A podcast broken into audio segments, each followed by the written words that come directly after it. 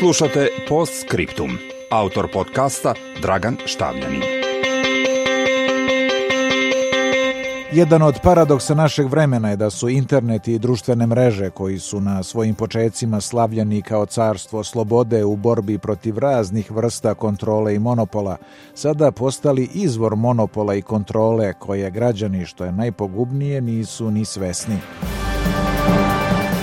Na to je upozorio i milijarder George Soros. On kaže da Google i Facebook manipulišu korisnicima, što ometa funkcionisanje demokratije, navodeći kao primer izbor Donalda Trumpa za predsjednika SAD-a. Stoga se Soros pribojava da bi saradnja internet giganata sa totalitarnim vladama mogla stvoriti svet kakav čak ni George Orwell nije mogao da zamisli, ističući da bi Kina i Rusija verovatno bili prvi takvi primjeri. Soros smatra da ove kompanije profitiraju samom činjenicom što građani koriste razne web sajtove i društvene mreže.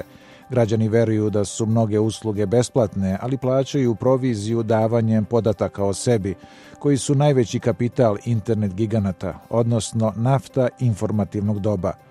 Soros se zalaže da se i Facebook i Google tretiraju kao javne kompanije koje pružaju komunalne usluge. 62% ljudi se informiše preko društvenih mreža.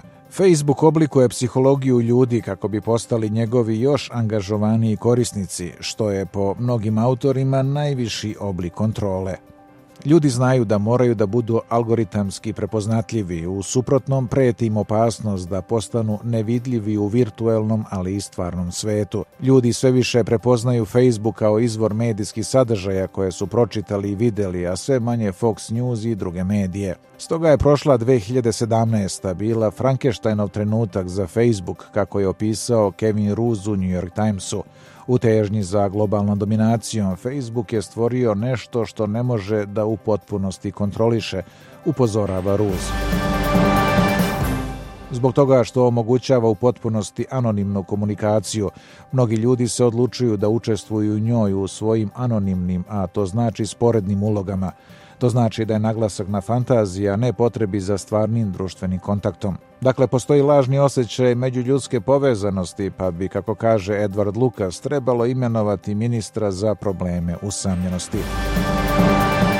Stručnjaci takođe upozoravaju da društveni mediji postepeno ubijaju stvarni aktivizam koga zamenjuje slaktivizam, odnosno pasivno lajkovanje na mrežama. Povećana svest građana o pitanjima koja cirkulišu u virtualnoj sferi, ne prevodi se nužno u stvarne promene. Istovremeno, očito je da sajberkratija ne voli demokratiju.